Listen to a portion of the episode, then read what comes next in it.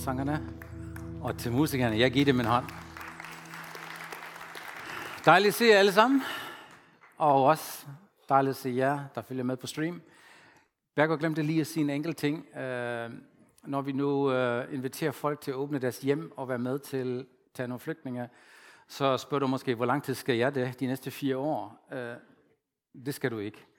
Det, som I sikkert alle sammen ved, så er regeringen på vej til at finde nogle løsninger, men det her, det, vi skal hjælpe nogle mennesker måske to-tre uger, og du er også selvfølgelig helt, øh, du har lov til at sige, jamen jeg har måske en uge, jeg har et værelse, jeg kan give, så skriv det til os, og vi skal nok også øh, hurtigt lave et formular, som vi kan sende tilbage til dig, så vi får alle informationer. Men det er virkelig en mulighed at hjælpe konkret, hvor vi kan hjælpe de mennesker, som er på vej over til Danmark. Vi skal starte et nyt emne op i dag, og jeg er så den heldige vinder af en introduktion til det nye emne. Og da jeg tænkt over det hele ugen, så øh, tror jeg faktisk, det er noget timing. Der, der er noget timing i det, at vi skal beskæftige os med det her. Fordi vi skal kigge på salmerne. Vi øh, snakker om sidste år, vi vil gerne tage en bog frem fra Bibelen, og vi kigger lidt på forskellige breve fra det nye testament og sådan noget gamle, og så tænkte vi, det kunne måske være en god idé at kigge lidt på vores salmer. Ikke dem i selve bogen, men dem i Bibelen. Salmerne. Og øh, jeg prøver i dag at give jer sådan et overblik over, så at vi får en lille ramme, hvad salmerne egentlig går ud på. Men jeg kan love dig, de rammer den situation, vi står i, også som verdenssamfund og som, som nation i øjeblikket. Alt, hvad vi går igennem, øh, salmerne er, de rammer lige ind men det skal jeg høre noget mere om.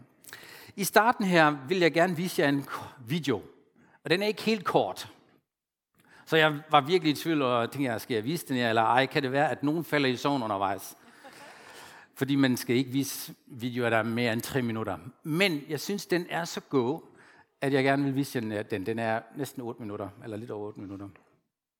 Den er på engelsk, men den har undertekster. Og så er det fra en hjemmeside, som I nok skal afsløre bagefter, som jeg gerne vil anbefale jer. Det hedder Bible Project. Er der nogen af jer, der kender den? Må jeg se? Er der nogen? En, to, tre, fire, fem par stykker kender den. Bible Project. Det er en fantastisk ressource. Det er en hjemmeside, hvor du finder masser af informationer, introduktioner om Bibelen, øh, bibelemner, podcast, korte videoer. Det er en guldgruppe. Altså, det er sådan virkelig, hvor du hvor du, hvor du får noget, hvor du får nogle informationer som på kort, på en god måde, og selvfølgelig ved jeg ikke, om jeg kan stå ind for alt, men alt, hvad jeg har set, det var godt. Så prøv at finde den her side og kig selv, hvis du har brug for nogle informationer, især når du arbejder med Bibelen, og måske nogle gange mangler nogle ressourcer eller nogle gode ting. Det er virkelig en fantastisk hjemmeside. Og den er gratis. Eller nej, det er den ikke. Der er nogen, der har betalt, ikke? Så vi kan have den gratis. Godt, lad os lige se en introduktion til salmerne. Der får I et kort overblik over, hvad salmerne går ud på. Værsgo. The Book of Psalms. It's a collection of 150 ancient Hebrew poems, songs, and prayers that come from all different periods in Israel's history. Many of these poems are connected with King David, 73 actually, and he was known as a poet and a harp player. But there are many different authors behind these poems. There's the poems of Asaph, or from the sons of Korah, and some are from other worship leaders in the temple. Even Solomon and Moses have their own poems, and nearly one third of these are anonymous. Now, many of these poems came to be used by the choirs that sang in Israel's temple, but the book of Psalms is actually not a hymn book. At some point in the period after Israel's exile to Babylon, these ancient poems were gathered together and intentionally arranged into the book of Psalms before us. And it has a very unique design and message that you're not going to notice unless you read it from beginning to end. Now, to see how the book of Psalms is designed, it's actually most helpful to start at the end. The book concludes with five poems of praise to the God of Israel, and each one begins and ends with the word hallelujah, which is Hebrew for a command to tell a group of people to praise Yah, which is short for the divine name Yahweh. Now, that's a really nice five part arrangement, and it looks like someone's giving us a conclusion here to the book. So it invites the question Does the book have any other signs of intentional design? If you pay attention to the headings of the poems, you'll notice that at five places your Bible translators have the heading Book 1, Book 2, Book 3, 4, and 5 at various points, and that these divide the book into five large sections. Now, the reason for this is that the final poem in each of those sections have a very similar ending that looks like an editorial edition. It reads something like, May the Lord, the God of Israel, be blessed forever and ever. Amen and amen. So the book has a conclusion. It has an internal organization into five main parts. And so the natural place to go from here is now the beginning to look for an introduction. And what do we find? Psalms 1 and 2, which stand outside of Book 1 because most of the poems in Book 1 are linked to David, except Psalms 1 and 2, which are anonymous.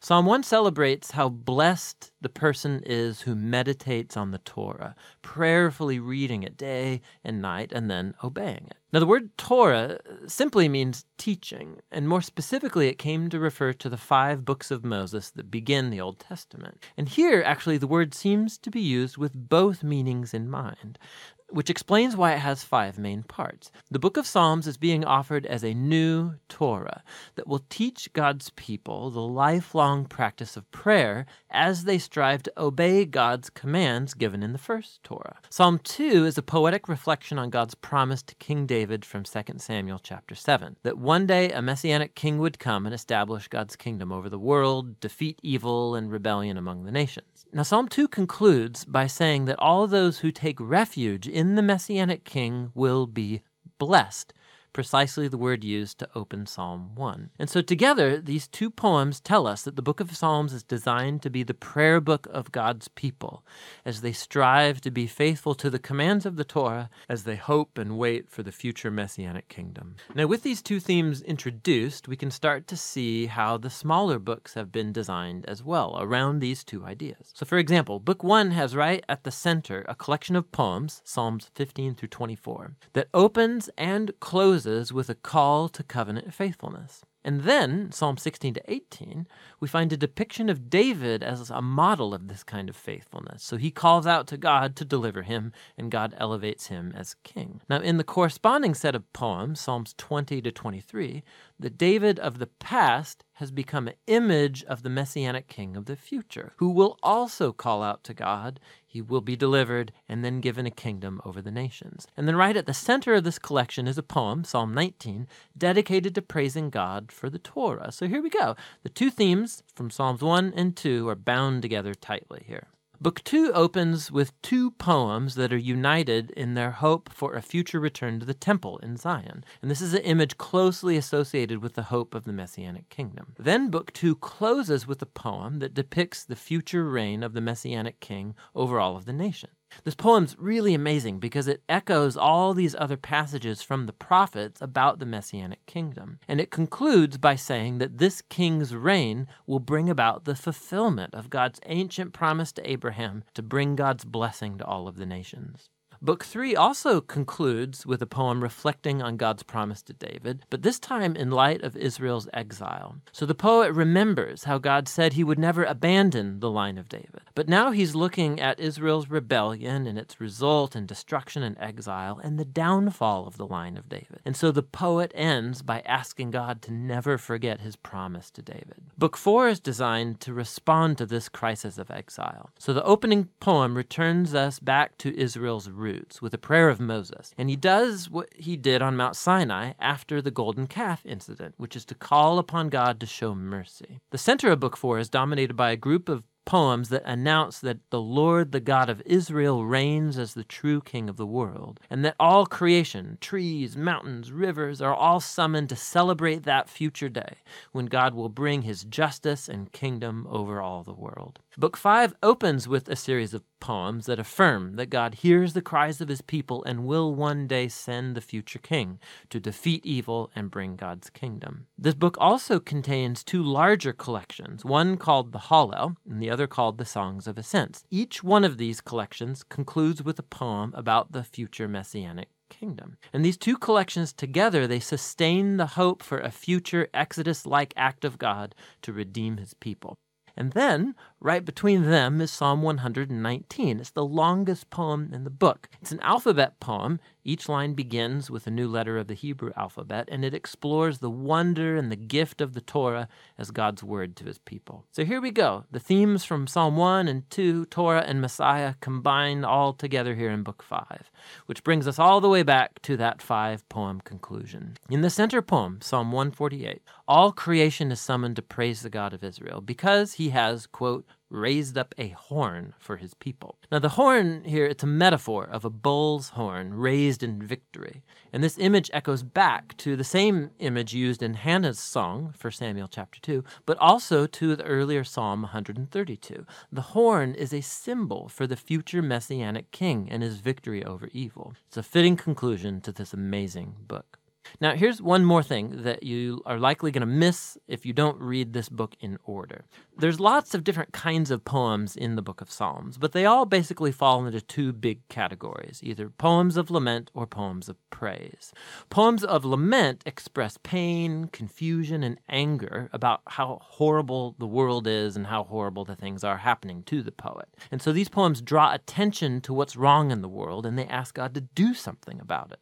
There's a lot of these in the book, which tells us something important that lament is an appropriate response to the evil that we see in our world. But what you'll notice is that lament poems predominate earlier in the book, in books 1 through 3. But pay attention, because you'll see praise poems occasionally too. Praise poems are poems of joy and celebration, and they draw attention to what's good in the world, and they retell stories of what God has done in our lives and thank God for it. In books four and five, you'll notice that praise poems come to outnumber lament poems. And it all culminates in that five part hallelujah conclusion. So, this shift from lament to praise, this is profound.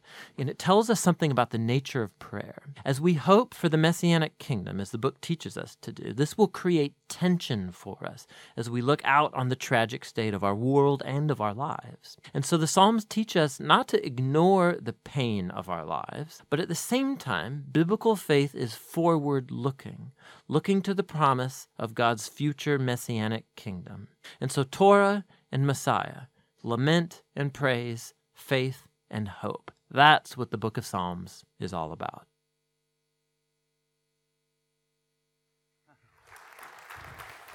Det var det. I må have en god.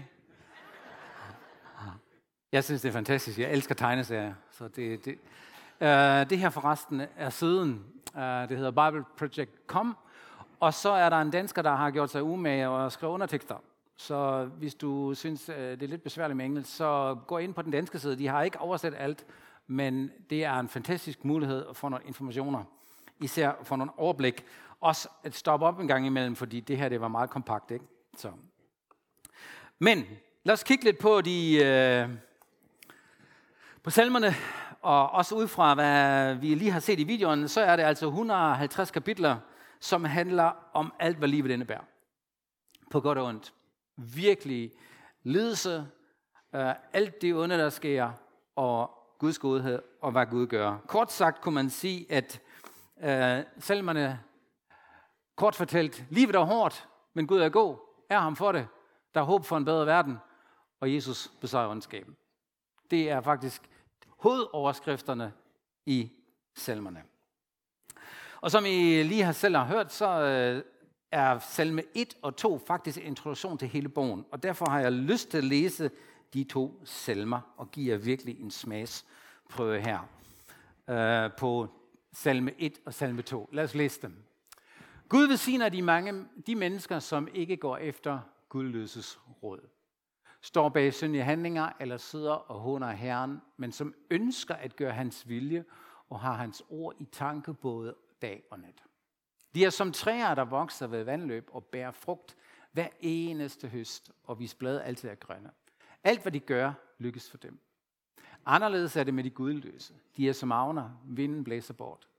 På dommens dag står de strafskyldige, de hører ikke hjemme blandt Guds folk, Herren hjælper dem, der gør hans vilje, men de gudløses vej ender i afgrunden. Og så salme 2. Hvorfor er de fremmede folk så rasende? Deres konger gør sig klar til kamp. Hvorfor lægger folk nytteløse planer? Deres ledere samles til øh, rådslagning.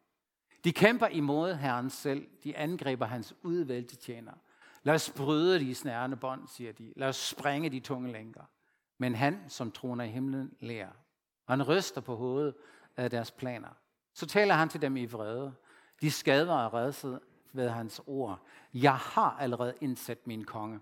Han skal regere fra Sion, mit hellige bjerg.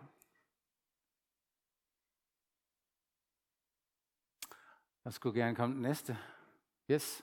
Den udvalgte konge siger, lad mig fortælle jer, hvad Herren har lovet. Han sagde til mig, du er min søn, i dag er jeg blevet din far. Bed mig, og du skal få verden i eje. Alle jordens rige skal tilhøre dig. Med dit jernscepter skal du falde en knusende dom, som pottemageren smadrer de fejlsejlende kar.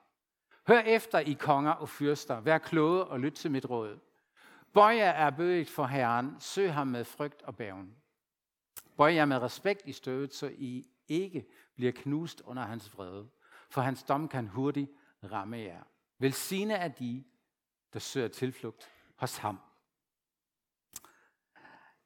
Det er meget poetisk sprog. Det er, det er billeder, som man egentlig skal bruge rigtig meget tid til at synke ned og sætte sig ned og læse og tage næsten hver eneste ord og gøre sig tanker omkring de her salmer for at finde ud af, hvad er ham, der har skrevet salmen, egentlig vil sige til os. Fordi øh, det er ikke bare sådan en almindelig tekst, som brevene er skrevet, lige som Paulus skriver. Når vi kigger på de her fire områder, også som, de, som du finder i de her to salmer, øh, så lad os kigge lidt på det mere i detaljerne. For det første, salmerne handler om stort set alt i livet. Det kommer ikke så meget frem i salme 1 og 2, men det er introduktion, det er døren til alle salmerne, som virkelig kommer ind på alt muligt. Hvis du har læst lidt i salmerne, så ved du, at de handler om uh, uretfærdigheder, de handler om modstand, de handler om medgang, de handler om ondskab, de handler om godhed, de handler om venskab og fjendskab, de handler om had og passion, de handler om det smukke. Alt er, alt er taget op i salmerne. Og selvfølgelig er der nogle salmer, som fokuserer mere på det ene end det andet. Og så, øh, du, du finder ikke alt i en salme, men det er alle salmerne, der dækker alle områder. Og det fantastiske ved salmerne er, at de har sådan en lige til tilgang. De er totalt ærlige. Nogle gange så bliver du chokket, når du læser salmerne, hvad man siger til Gud, om Gud, om de andre. Øh, helt hen til, Gud, nu må du snart udrydde ham. Sådan vil jo ikke bede længere i dag. Ikke? Men David og Asaf og alle de andre, som har skrevet salmerne, de udtrykte deres, deres frustration og deres vrede, og det var helt okay med Gud. Vi skal passe på, hvordan vi læser de salmerne. Det er jo ikke nødvendigvis rigtigt, hvad David beder, men sådan havde han haft det. Så han var ærlig, han var ærlig, autentisk og skrev tingene ned. Sådan har jeg, der er så meget ondskab i verden, hvad skal jeg gøre ved det? Det handler blandt andet også om synd og tilgivelse. Det handler om skabelsen, om samfundet, om Guds folk, om Gud, om fremtiden. Den retfærdige vej og den gudløse vej, som vi læser i salme 1 her. Der er en vej for den, som er gudløs, det vil sige uden Gud. Og der er en vej for en, der siger, jeg lytter til Gud og vil gerne høre, hvad du siger, og hvordan du ser på den her verden. Meget kort sagt, så synes jeg, at salmerne er et opgør med perfektionisme, som jeg også nogle gange ser i kirken. Det skal være så perfekt. Og hvis vi især også i kirkelivet tænker, at det skal være perfekt. Hvis vi ikke synes, det er perfekt endnu, så vil vi gerne, at det bliver perfekt. Er det ikke rigtigt? Der er sådan en trang i os, at alt skal være perfekt. Salmerne er et opgør med det. Verden er ikke perfekt. Du er ikke perfekt. Jeg er ikke perfekt. Din familie er ikke perfekt. Lev med det, sagde en berømt statsminister for nylig. Lev med det. Det bliver aldrig perfekt, før Jesus kommer tilbage. Og salmerne, de er sådan hulløs ærlige. Det verden er ikke perfekt. Og det vil sige, at du kommer heller aldrig til at blive syndfri. Jeg ved, at der er nogle kristne, der prøver virkelig at komme af med alle deres synder. Og det er godt at have den holdning. Jeg vil helst ikke synde, fordi synd er ikke godt for mig. Men jeg kan fortælle dig en sandhed, især når du læser salmerne. Du kommer aldrig til at blive syndfri. Du kommer til synde dagligt. Eller en gang om ugen. Det ved jeg ikke. Det er mellem dig og Gud, ikke? Men det er ligesom, og, og det ligger i, i, i korten også, når du læser salmerne.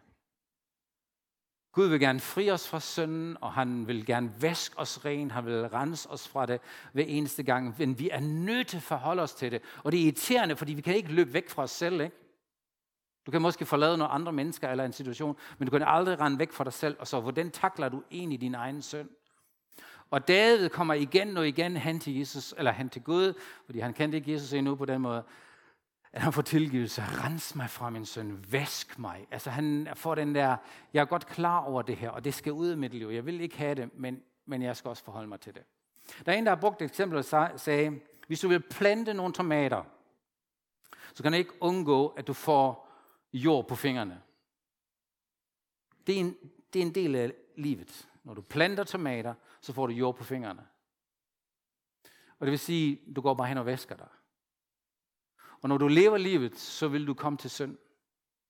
Og det er, det er ikke en undskyldning til, at så synder jeg bare. Nej, overhovedet ikke. Men rens dig og vest dig og få tilgivelse hele tiden, fordi den er der. Og, og livet er ikke perfekt. Det er den første punkt, vi skal tage med, og salmerne vidner om det hele vejen igennem. Så tager det med om punkt 1. Punkt 2. Som salme 1 siger, der er to veje at vælge imellem. Den vej er den gudløse, altså det vil sige en person, som måske endda tror på Gud, men er gudløs, forstået på den måde, jeg er ligeglad med, hvad Gud siger. Der er nogle mennesker, der tror på Gud, og de er ligeglade med ham. Og så er der nogen, der slet ikke tror på, at han findes. Men det vil jeg betegne som overskrift, det er de gudløse. Løs fra Gud. Og så dem, der siger, yes, jeg vil gerne, jeg tror på Gud, og det betyder noget for mig, hvad han siger. Og der bruger salme 1 faktisk et rigtig interessant sprog, fordi den siger, at den person, som tager Gud seriøst og lytter til ham og hører, hvad han siger, og er interesseret i, hvad Gud siger, den person vil være velsignet. Og det græske ord og det øh, hebræiske ord, det er faktisk så bredt, at det i nogle steder bliver det oversat med lykkelig. Lykkelig er det menneske, som mediterer over Guds ord. Lykkelig er det menneske, som hører efter, hvad Gud siger. Ikke kun velsignet, men også lykkelig. Og det finder du også i særlige prisninger i det nye testamente. Pointen er, at Gud siger, hvis du lytter til mig, eller salmisten siger, hvis du lytter til Gud, og det, hvis du vælger den vej, så bliver du lykkelig under alle omstændigheder. Fordi alle salmer fortæller dig faktisk, at du kan være i de mest dårlige omstændigheder, men inden i er der noget, der gør dig lykkelig. Gud tilfredsstiller dit indre og gør noget ved dit indre liv. Han går så langt, at han siger, at øh, alting lykkes for dig. Der er nogen, der har taget det lidt for bogstaveligt, ikke? og sagt, alt hvad jeg gør, fordi jeg læser i Bibelen hver dag, så alt hvad jeg gør, det lykkes for mig. Det er ikke det, hvad der er ment. Gud vil lade det lykkes for dig overordnet set. Og det betyder ikke, at du er perfekt igen. Du er ikke perfekt, og verden er ikke perfekt. Lev med det, men mediter over Guds ord. De her, den første salme er meget poetisk sprog, at du bringer frugt, øh, selv når det sveder ud, og det er, der er varme, og der er tørke. Du, du blomstrer alligevel, fordi du har dine rødder dybt bevandet. Det er ligesom om, øh, at profeten Jeremias tager det ord op. Jeg har lige det her skrevet. Det, det kunne næsten være et citat fra salme 1.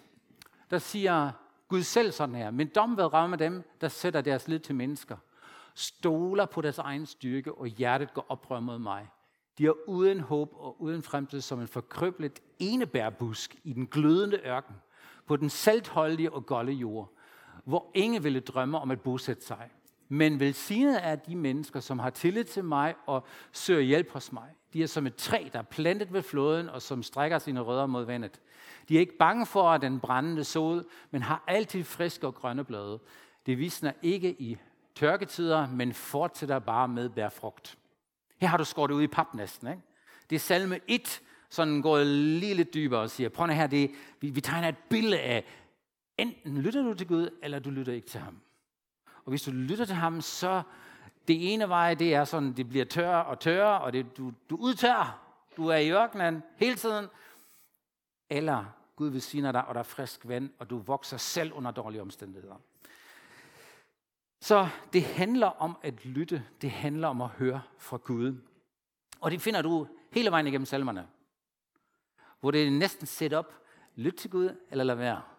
Det, hvis du hører, hvad han siger, så kommer det ud af det. Hvis du ikke gør dig umage at meditere og høre, hvad han siger til dig, så ender du der. Det næste. Undskyld. Uh, der er kommet noget i vejen. Hvordan kommer jeg tilbage? Nej. Jeg skal faktisk lige lidt længere hen her. Jeg skal lige styre på mine ting. Jo, det er faktisk rigtigt. Nej. Jeg bliver helt forvirret nu. Det er den, jeg skulle have først frem. Salmerne handler om Guds skabelse, godhed, kreativitet og suverænitet. Når de tegner de to veje, og de, de handler om hele livet, så fortæller Salomon også rigtig meget om Guds skaberværk, hans godhed, hvordan han er midt i en ond verden, og hans kreativitet og hans suverænitet, at han er her og han hersker. Og det kan man jo hurtigt glemme, når man kigger på alt det onde i verden. Det er jo, det er jo lige nu for eksempel, ikke, når vi kigger på Ukraine, så kan du tænke, okay Gud, hvor er du han i alt det her? Er Jesus virkelig her? Hvordan regerer du? Og du er almægtig, siger du. Hvad sker der? Og der er så mange, der beder. Hvorfor sker der ikke noget? Det er derfor, jeg fandt faktisk de her tre øh, vers frem. Prøv at se her. Til korlederen, brug lyderne. Det er en sang. En sang af David. Her, kom os til hjælpe.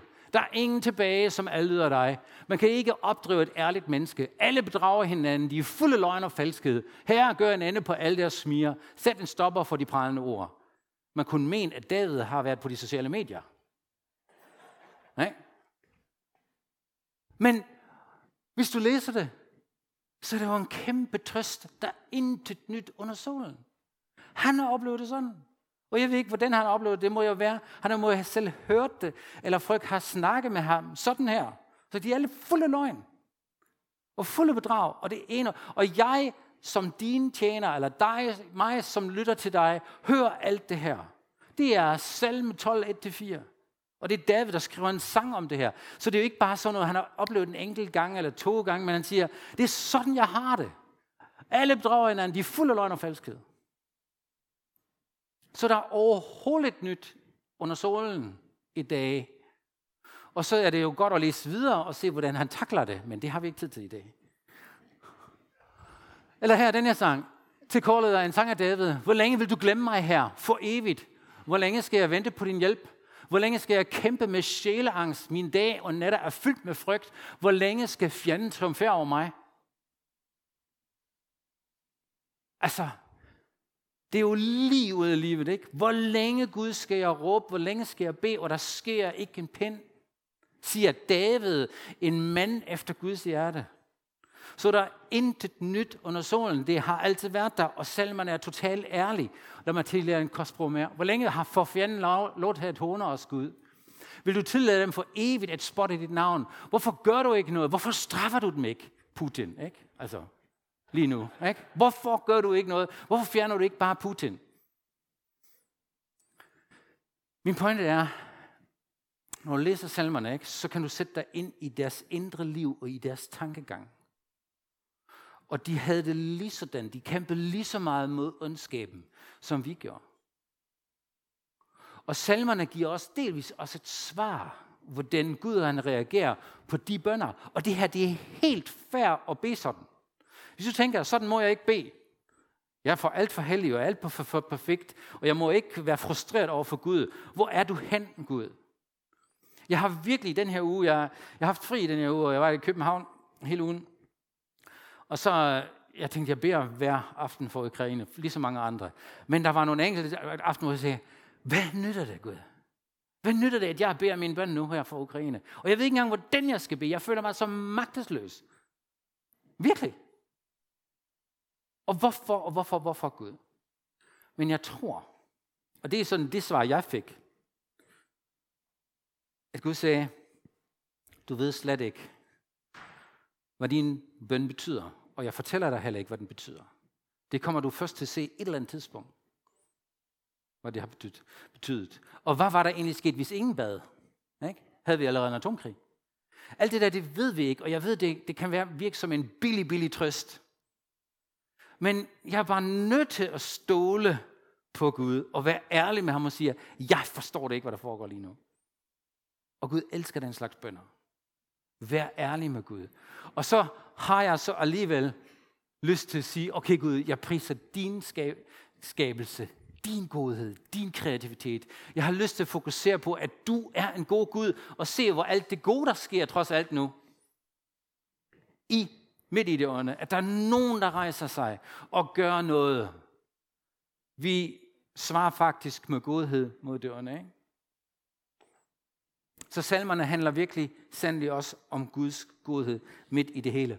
Og så den sidste punkt. Salmer viser os, salmerne viser os, hvordan vi kan bede til Gud og tilbede Gud og fejre Guds godhed. Der er masser af snakke om dans, og hvordan du skal synge, og hvordan du skal prise ham, og hvordan du skal være med til at synge nye sange, og øh, at Gud er der for de fædreløse, for enkerne, for den svage, for den rige, for den fattige, for den friske, for den målløse. Alle er inkluderet og siger, hey, kom nu, lad os sammen se på Guds godhed. Lad os fejre, lad os være glade, lad os danse, men lad os også være ærlige og udøse vores vrede og vores frustration. Salmerne er en bog, som du ikke behøver at synge, men som du virkelig kan bede. Bede nogle salmer højt. Tag en enkelt salme og siger, det her, det, det gør jeg til min bøn. Og læs den højt for dig selv. Du vil mærke, at hvad det gør ved dig, du begynder at få Guds perspektiv for tingene, og ikke bare din egen. Så jeg vil invitere jer på en rejse af salmerne, og det, det bliver de næste uger, hvor vi skal snakke om også nogle enkelte salmer og nogle enkelte emner, og dykke lidt længere ind i nogle salmer. Det er 150 kapitler, altså vi kan ikke nå det hele, det ved jeg godt, ikke? Det er sådan, vi tager nogle enkelte ud. Men øh, uh, salmer handler stort set om alt i livet. Det viser to veje, som du kan vælge mellem. handler om Guds skabelse, godhed, kreativitet og suverænitet. Og vise os, hvordan vi kan bede til og tilbede Gud og fejre Guds godhed. Så velkommen til salmerne. Hvis du har tid og mulighed, så vil jeg håbe, at du har lyst til at læse en enkelt salme hver aften, eller hver morgen, eller hver middag, hvornår du nu læser øh, i Bibelen, øh, og gør dig lidt fortrolig med nogle salmer. De er faktisk ikke så længe er lang.